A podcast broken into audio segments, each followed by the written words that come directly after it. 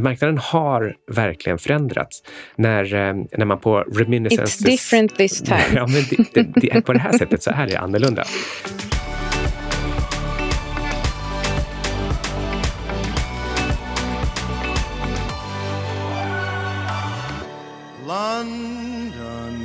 Hej, du lyssnar på avsnitt 73 av Outsiders med Syding och Svan. Det är ju helt sjukt att eh, vi har hållit på så länge och eh, jag undrar faktiskt bara lite spontant, undrar hur många av de här avsnitten vi har spelat in på skilda håll när jag har varit utomlands egentligen? Mm, åtminstone ett, det här nämligen, för du är i London. Det är jag. tänkte säga New York, men det är jag inte alls det. Eh, utan jag är i London, kom hit i torsdags och åkte hit med eh, vår senaste onoterade investering. Så vi har träffat eh, lite VC-bolag och, eh, och nu stannar jag kvar till, eh, till nästa fredag eh, bestämde jag mig för. Så det känns eh, skitkul. Jag har precis, på tal om eh, vårt, för att koppla åter till vårt det här semesterekonomiavsnittet, bytt hotell från Nobu, Nobu Hotel Shoreditch till ett hotell som heter Kimpton Fitzroy tror jag, som ligger precis vid Russell Square som är superfint. Mm, du älskar ju hotell, så du fotar till och med fasaden och skickar till mig. Ja, men den var ju så vacker. Det var, ja, men jag tycker att det känns jättebra. Och jag är ju tvärt vad många kanske tror ganska introvert. Och nu har det varit rätt mycket socialt de senaste dagarna så jag har faktiskt avbokat kvällens planer och tänker beställa lite room service. Jag håller på att skriva på en tredje bok. Um, och uh, sitta i pyjamas egentligen i sängen och käka middag och eh, skriva, läsa och kanske lyssna på podcasts. Vi kan återkomma till ditt eh, Afrika-rave snart, men när jag har tio dagar föräldrafritt här hemma, då sover jag ut. I natt sov jag tio och en halv timme. Mm. Jag eh, läser eh, stora, tunga böcker om hjärnforskning och jag träffar en kompis och i eh, lagom lugn och ro över en pizza och några glas rödvin diskuterar just de olika hjärnhalvornas funktion. Och hur, hur var funktionen i de olika hjärnhalvorna efter några glas rödvin? Ja, den var faktiskt helt fantastisk. Vi var väldigt eh, kreativa, men avslutade också tidigt så jag kunde gå hem och gå ut med din lilla hund. Som du har döpt om? Till Copernicus. Kux. Copernicus heter ja, den. men, glöm, glöm Copernicus nu. Hur var det med Afrika-ravet? Jo, det var nämligen så här att um, en eh, tjejkompis till mig som precis har flyttat till London frågade om eh, vi vill hänga med på en fest igår. Och det tyckte vi var en skitbra idé. Hon bad det är något så här African rave party. Och vi tänkte att ja, det låter skitfett, vi åker dit. Det var verkligen African rave party. Så vi blev liksom eh, målade så att jag såg ut som en amazon, en Amazon warrior.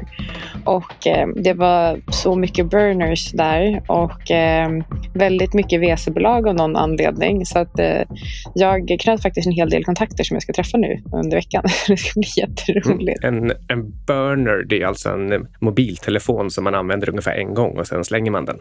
En så kallad burner phone. det är så jävla dåligt.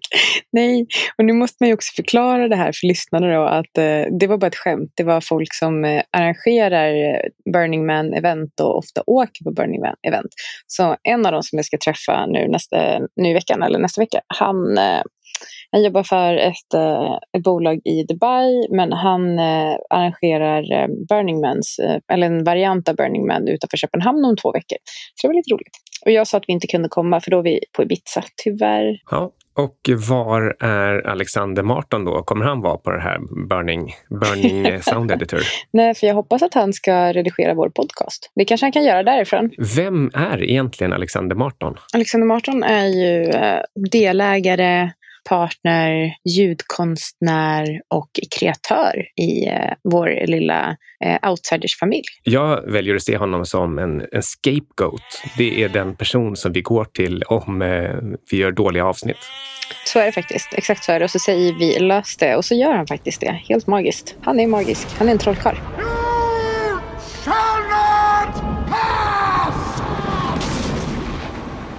Vad har vi mer att avhandla innan vi drar igång? Vi har en sponsor också. Vi har eh, Trine.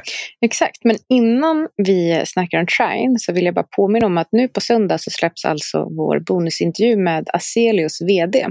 Och eh, Aselio och Trine jobbar ju faktiskt båda två med eh, ren energi. Vill du bara förklara vad Aselio gör lite snabbt så kan vi gå in på Trine sen. Ja, Aselio lagrar solenergi i eh, upp till 13 timmar väldigt kostnadseffektivt.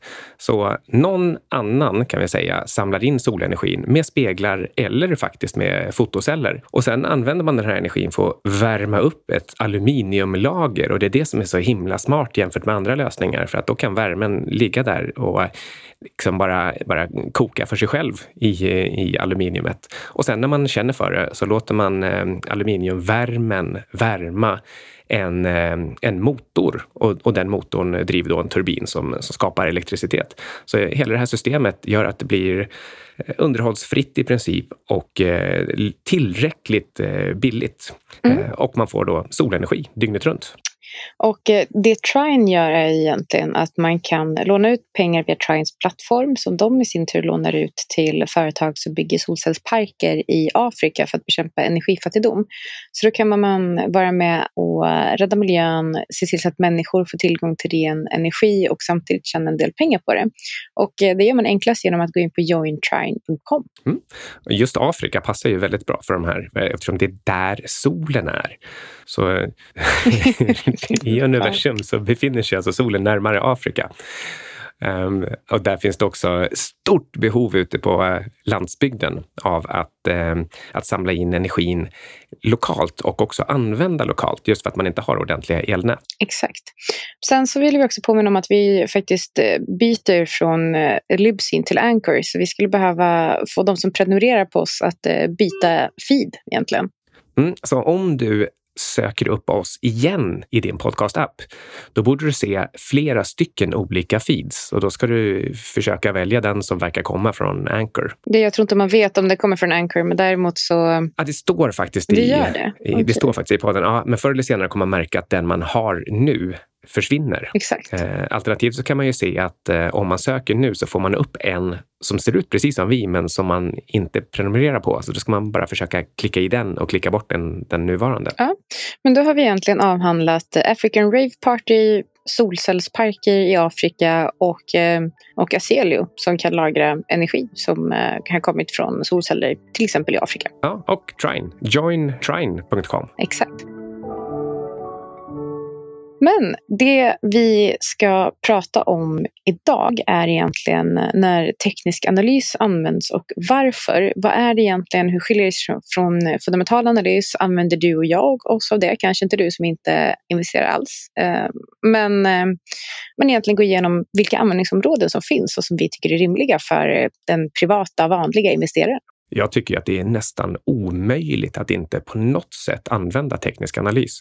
Hjärnan funkar ju så att om vi tittar på en graf, då ser vi mönster oavsett om de finns eller inte. Och då gör man helt automatiskt, helt ofrivilligt, gör man någon slags analys av det här mönstret. Precis som man gör om man ser en, eh, en, en sten komma flygandes mot en eller ett, ett rovdjur komma springandes så, så gör man egentligen en slags teknisk analys av var den där är på väg. Ja, absolut. Och eh, nu har jag ju turen att eh, sitta mitt emot två personer på kontoret som bara håller på med eh, TA. Och eh, framförallt eh, Max då, som jag vet lyssnar på den här podden, så nu blir han säkert extra glad. Eh, han eh, brukar ju vara extra noga med att tala om för mig när bitcoin kommer rasa. Och han har faktiskt haft rätt hittills. Så dök han upp med två jättestora skärmar så att jag inte kommer missa när jag förlorar massa pengar. Eller, det var snällt. Tack Max! En eh, viktig poäng till det här med både teknisk analys, alltså TA, och eh, fundamental analys, FA, är att lite valet av hur mycket man förlitar sig på de här och, och också kombinationen av dem, den beror på vad man i grund och botten har för strategi och syn på sina investeringar. Exakt. Då menar jag till exempel att det kan bero på om man investerar mest för att man försöker ha rätt. Alltså man, man försöker bevisa för sig själv. Kan jag göra en analys och sen får jag rätt? Det är ett eller noll. Det är lite som att spela på, eh, Eh, ja, betta på något fotbolls, eh, fotbollsmatch. Eller gör man det till exempel för att eh, det helt enkelt bara är roligt att hålla på med. Så att det inte är så himla noga hur mycket man, man tjänar. Alltså det, helst vill man väl inte förlora, men, men man, man gör det egentligen mest för att ha någon, någonting att göra, någon slags hobby. Eh, eller sen kanske man också kan göra det helt enkelt för att tjäna pengar och då i olika grad, som liksom ett litet tillskott. Eh, en, helt enkelt ett övertidsjobb. Eller som sin huvudsysselsättning eller kanske faktiskt också sitt, sin anställning helt enkelt. Och, och tre, en variant av de här, det är att man försöker bli riktigt svinaktigt rik så snabbt så att man sen kan springa så långt bort från allt vad jobb heter. Vet du vad det bästa sättet att bli fattig på är? Att försöka bli rik fort. Exakt. Så testa inte det. Men en, en sak om man nu ska fundera på när eh, kanske du och jag tycker att teknisk analys är användbart eh, i, eh, i de strategierna som vi jobbar med.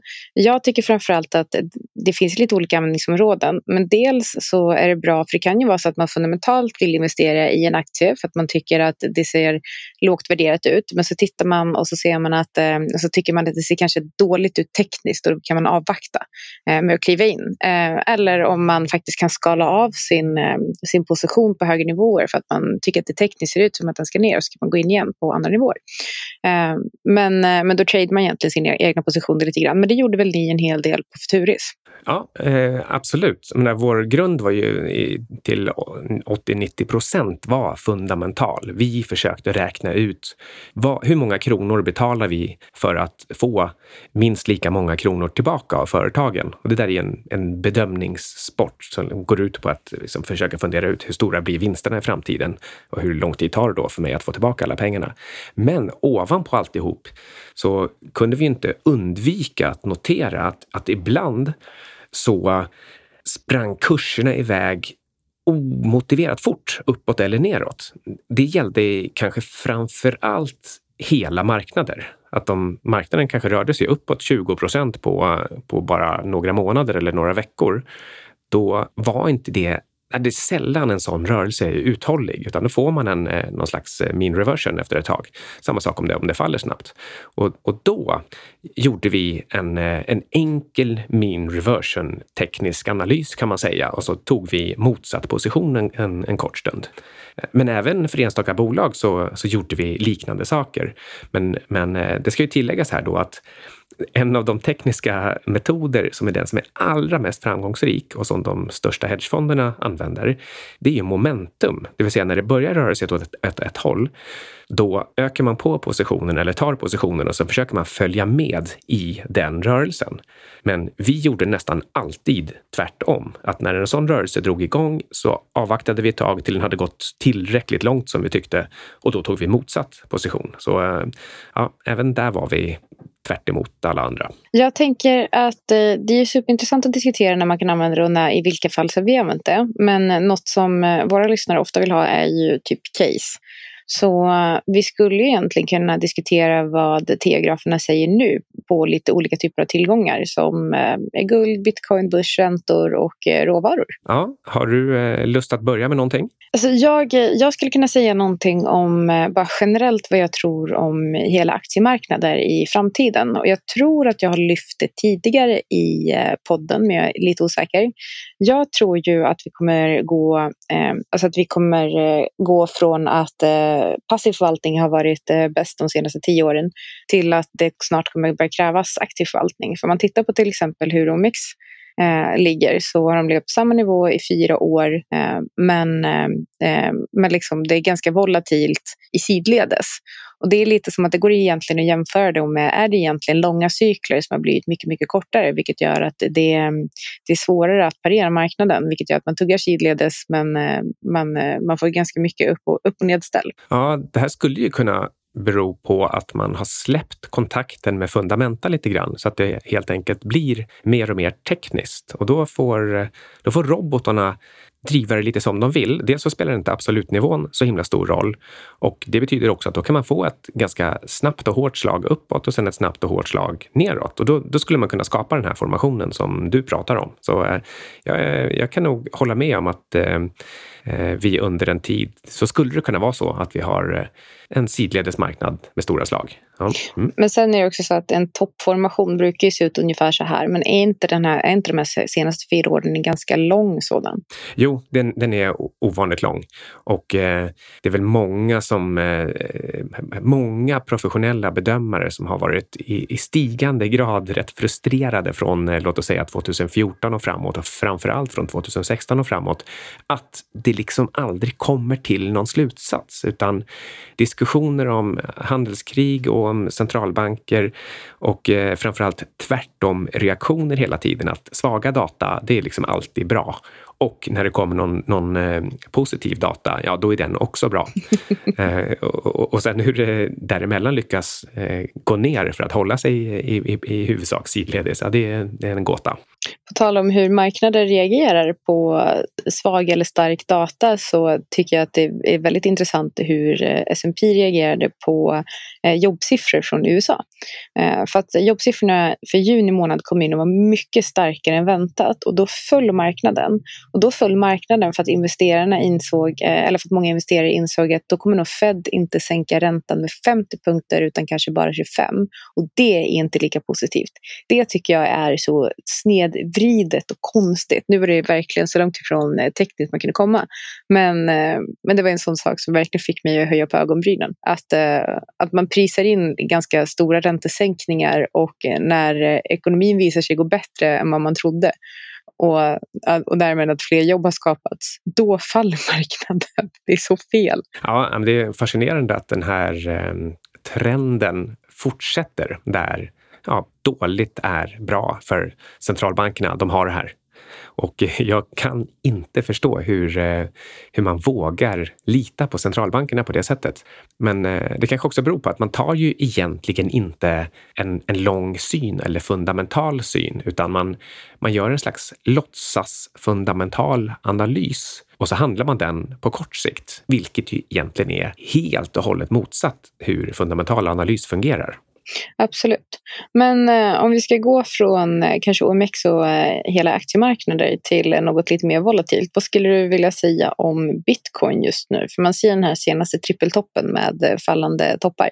Trippeltoppen. Mm. Tri ja, men det finns ett par eh, viktiga begrepp när det gäller bitcoin och det är FOMO och det är FOL.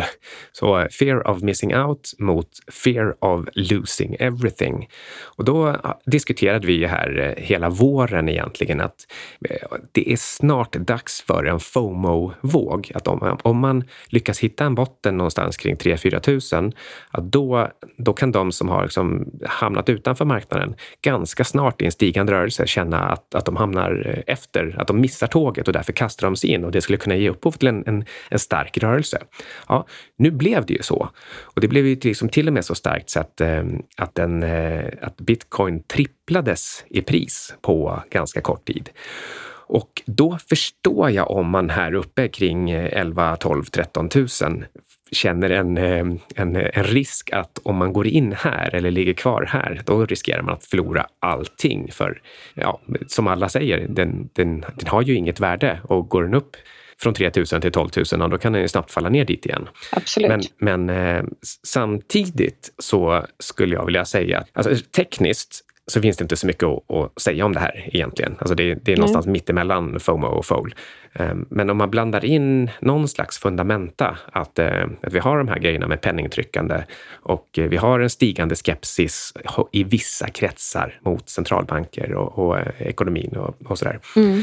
Så, så talar det här ändå för att eftersom man bygger på de här nätverken hela tiden och vi har Facebook som går in med sin Libra och, och eh, banar mark för att folk, ännu fler ska, ska lära sig att tycka att det här är ändå en normalitet så, så tror jag att vi i grund och botten, vi är på väg mot nya highs. Och eh, ja, totalbilden av det här, det blir bara att vi, vi är någonstans mittemellan här, men med kanske en, eh, en, en tendens ändå till, eh, till att stå högre om ett halvår eller ett år. Absolut, jag, jag är verkligen beredd att, eh, att hålla med dig där och vi är positionerade därefter också.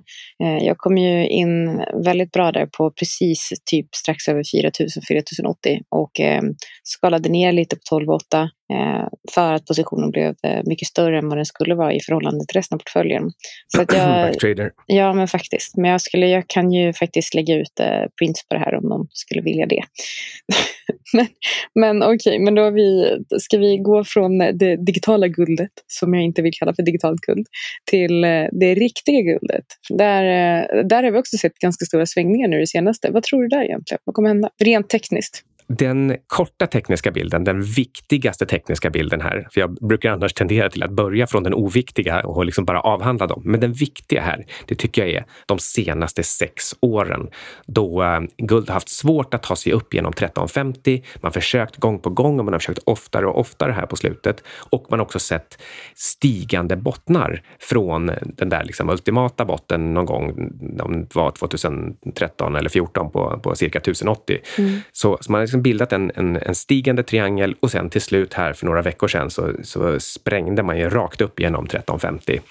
Och eh, det ser jag som väldigt positivt tekniskt och att det siktar egentligen mot att vi ganska så snart kommer upp till eh, de gamla högsta nivåerna som är över 1900 eh, dollar per ounce. Ja. Det är liksom den huvudsakliga tekniska formationen.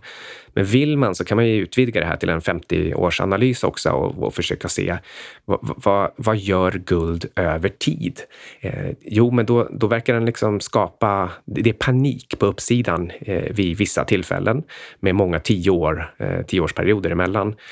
Och sen kommer långa ökenvandringar då man inser att ja, men okej, det kanske liksom inte, den paniken kanske inte var riktigt motiverad, i alla fall inte på, på kortare sikt. Och då blir det som sagt då, långa, långa ökenvandringar. Och vi, vi skulle potentiellt sett kunna vara inne i en sån lång ökenvandring nu, mm. um, efter, efter den här då, den gamla toppen 2011.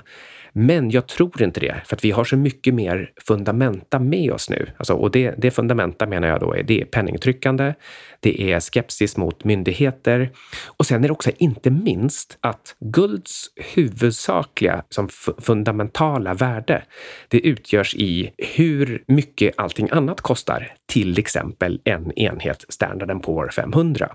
Och just nu så är, eh, så är guld väldigt, väldigt billigt i förhållande till Standard Poor 500. Och eh, den, som du hör, jag kan ju aldrig, jag kan ju aldrig slita mig från någon typ av fundamental analys också. Eh, men det stödet gör att, eh, att jag tycker att guld ser oerhört positivt ut. I love gold!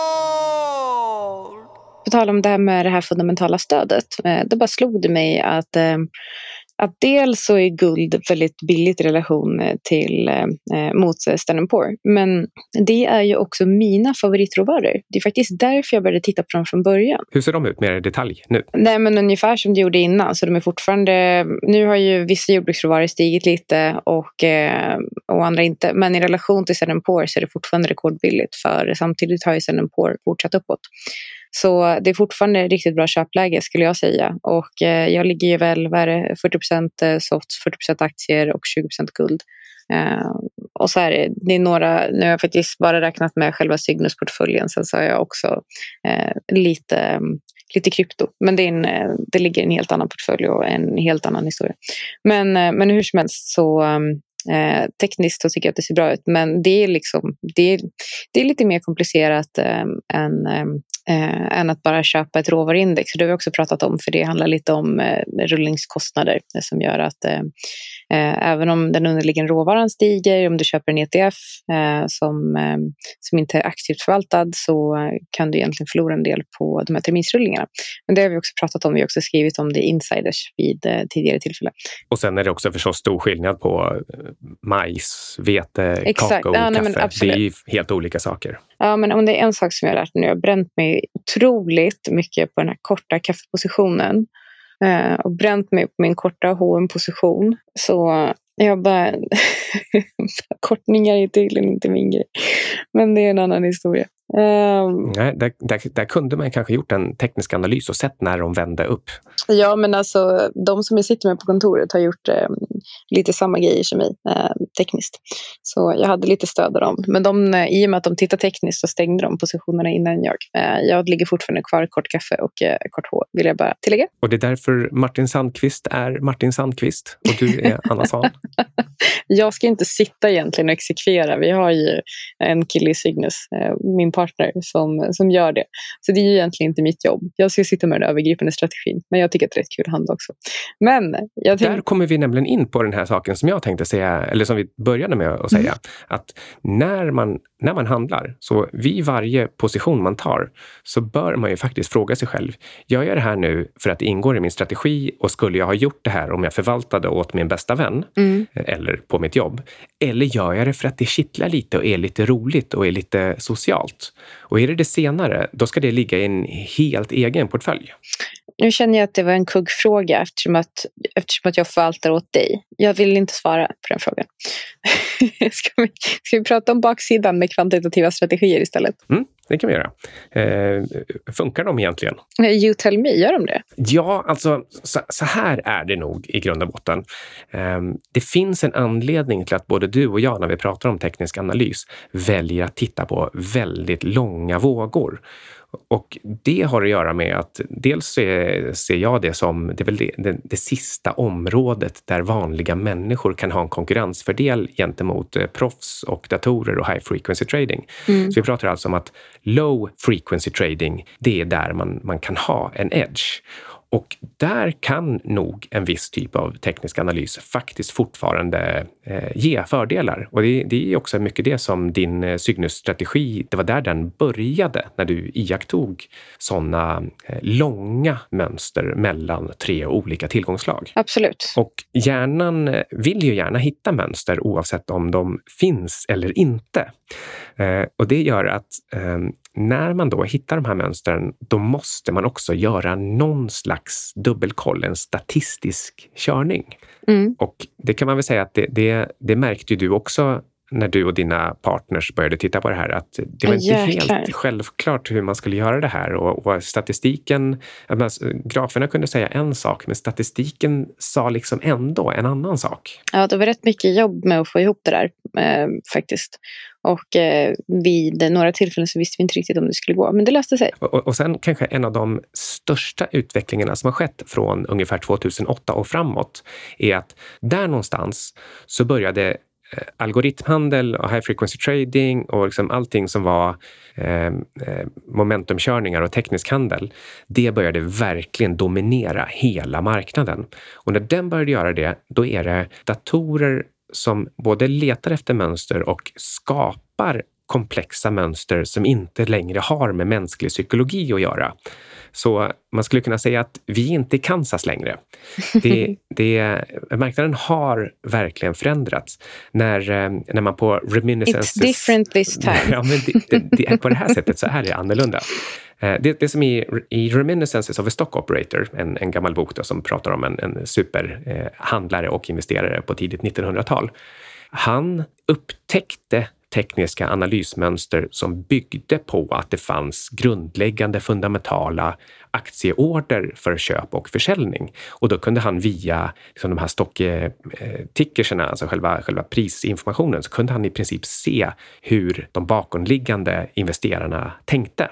Numera så sker det här i realtid med artificiell intelligens som hittar mönster som en mänsklig hjärna aldrig någonsin skulle kunna hitta och som heller inte är baserade på fundamentala order i grunden. Och eftersom den här utvecklingen eh, den, är, den sker organiskt och eh, växlande och snabbt så finns det inte längre gamla fixa mönster, åtminstone inte på kortare sikt. Nej, absolut. Och det, det gör ju då att om man försöker handla tekniskt på lite kortare sikt, ja, då slåss man mot företag som har hundratals doktorer i matematik och fysik och statistik anställda och som eh, ja, men i princip eh, springer åttor runt andra proffs och då definitivt runt dig.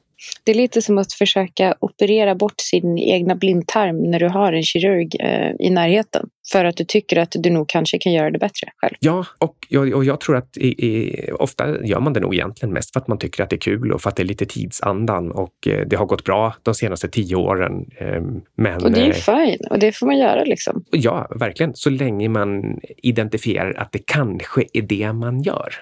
Mm. Eh, men annars så kan man väl säga att det viktigaste man kan göra om man handlar, oavsett om det är tekniskt eller fundamentalt, det är att ha ett system för återkoppling där man hela tiden skriver upp vad man gör och varför och hur det gick efteråt och hur man hade kunnat göra det bättre. Ja, nej men absolut.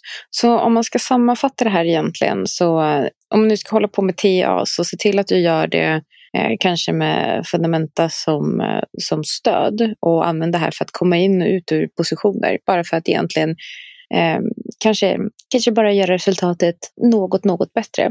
Eh, om du inte nu sitter och handlar liksom, eh, bara på te, Men då är det, då är det liksom inte riktigt den målgruppen som vi pratar om nu.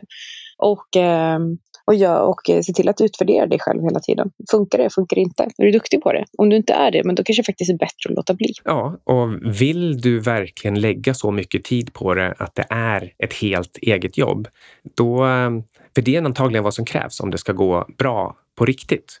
Och annars, om det bara är en hobby för att det är kul, ja men då kanske man faktiskt kan hitta billigare hobbys och eh, spara tid. Genom Golf att, till eh, exempel. Ja, ja.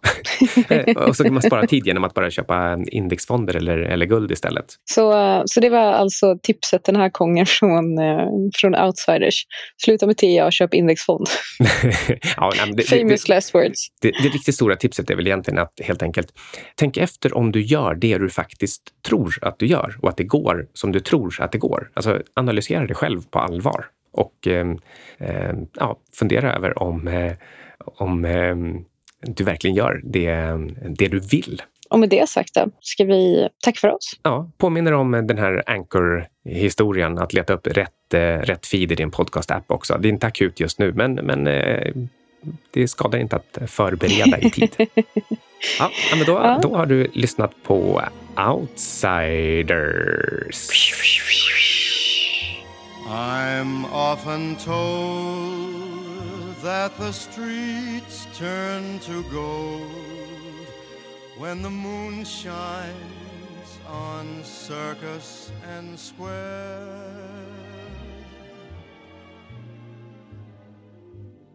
Deep in the dark that envelops the park, there's romance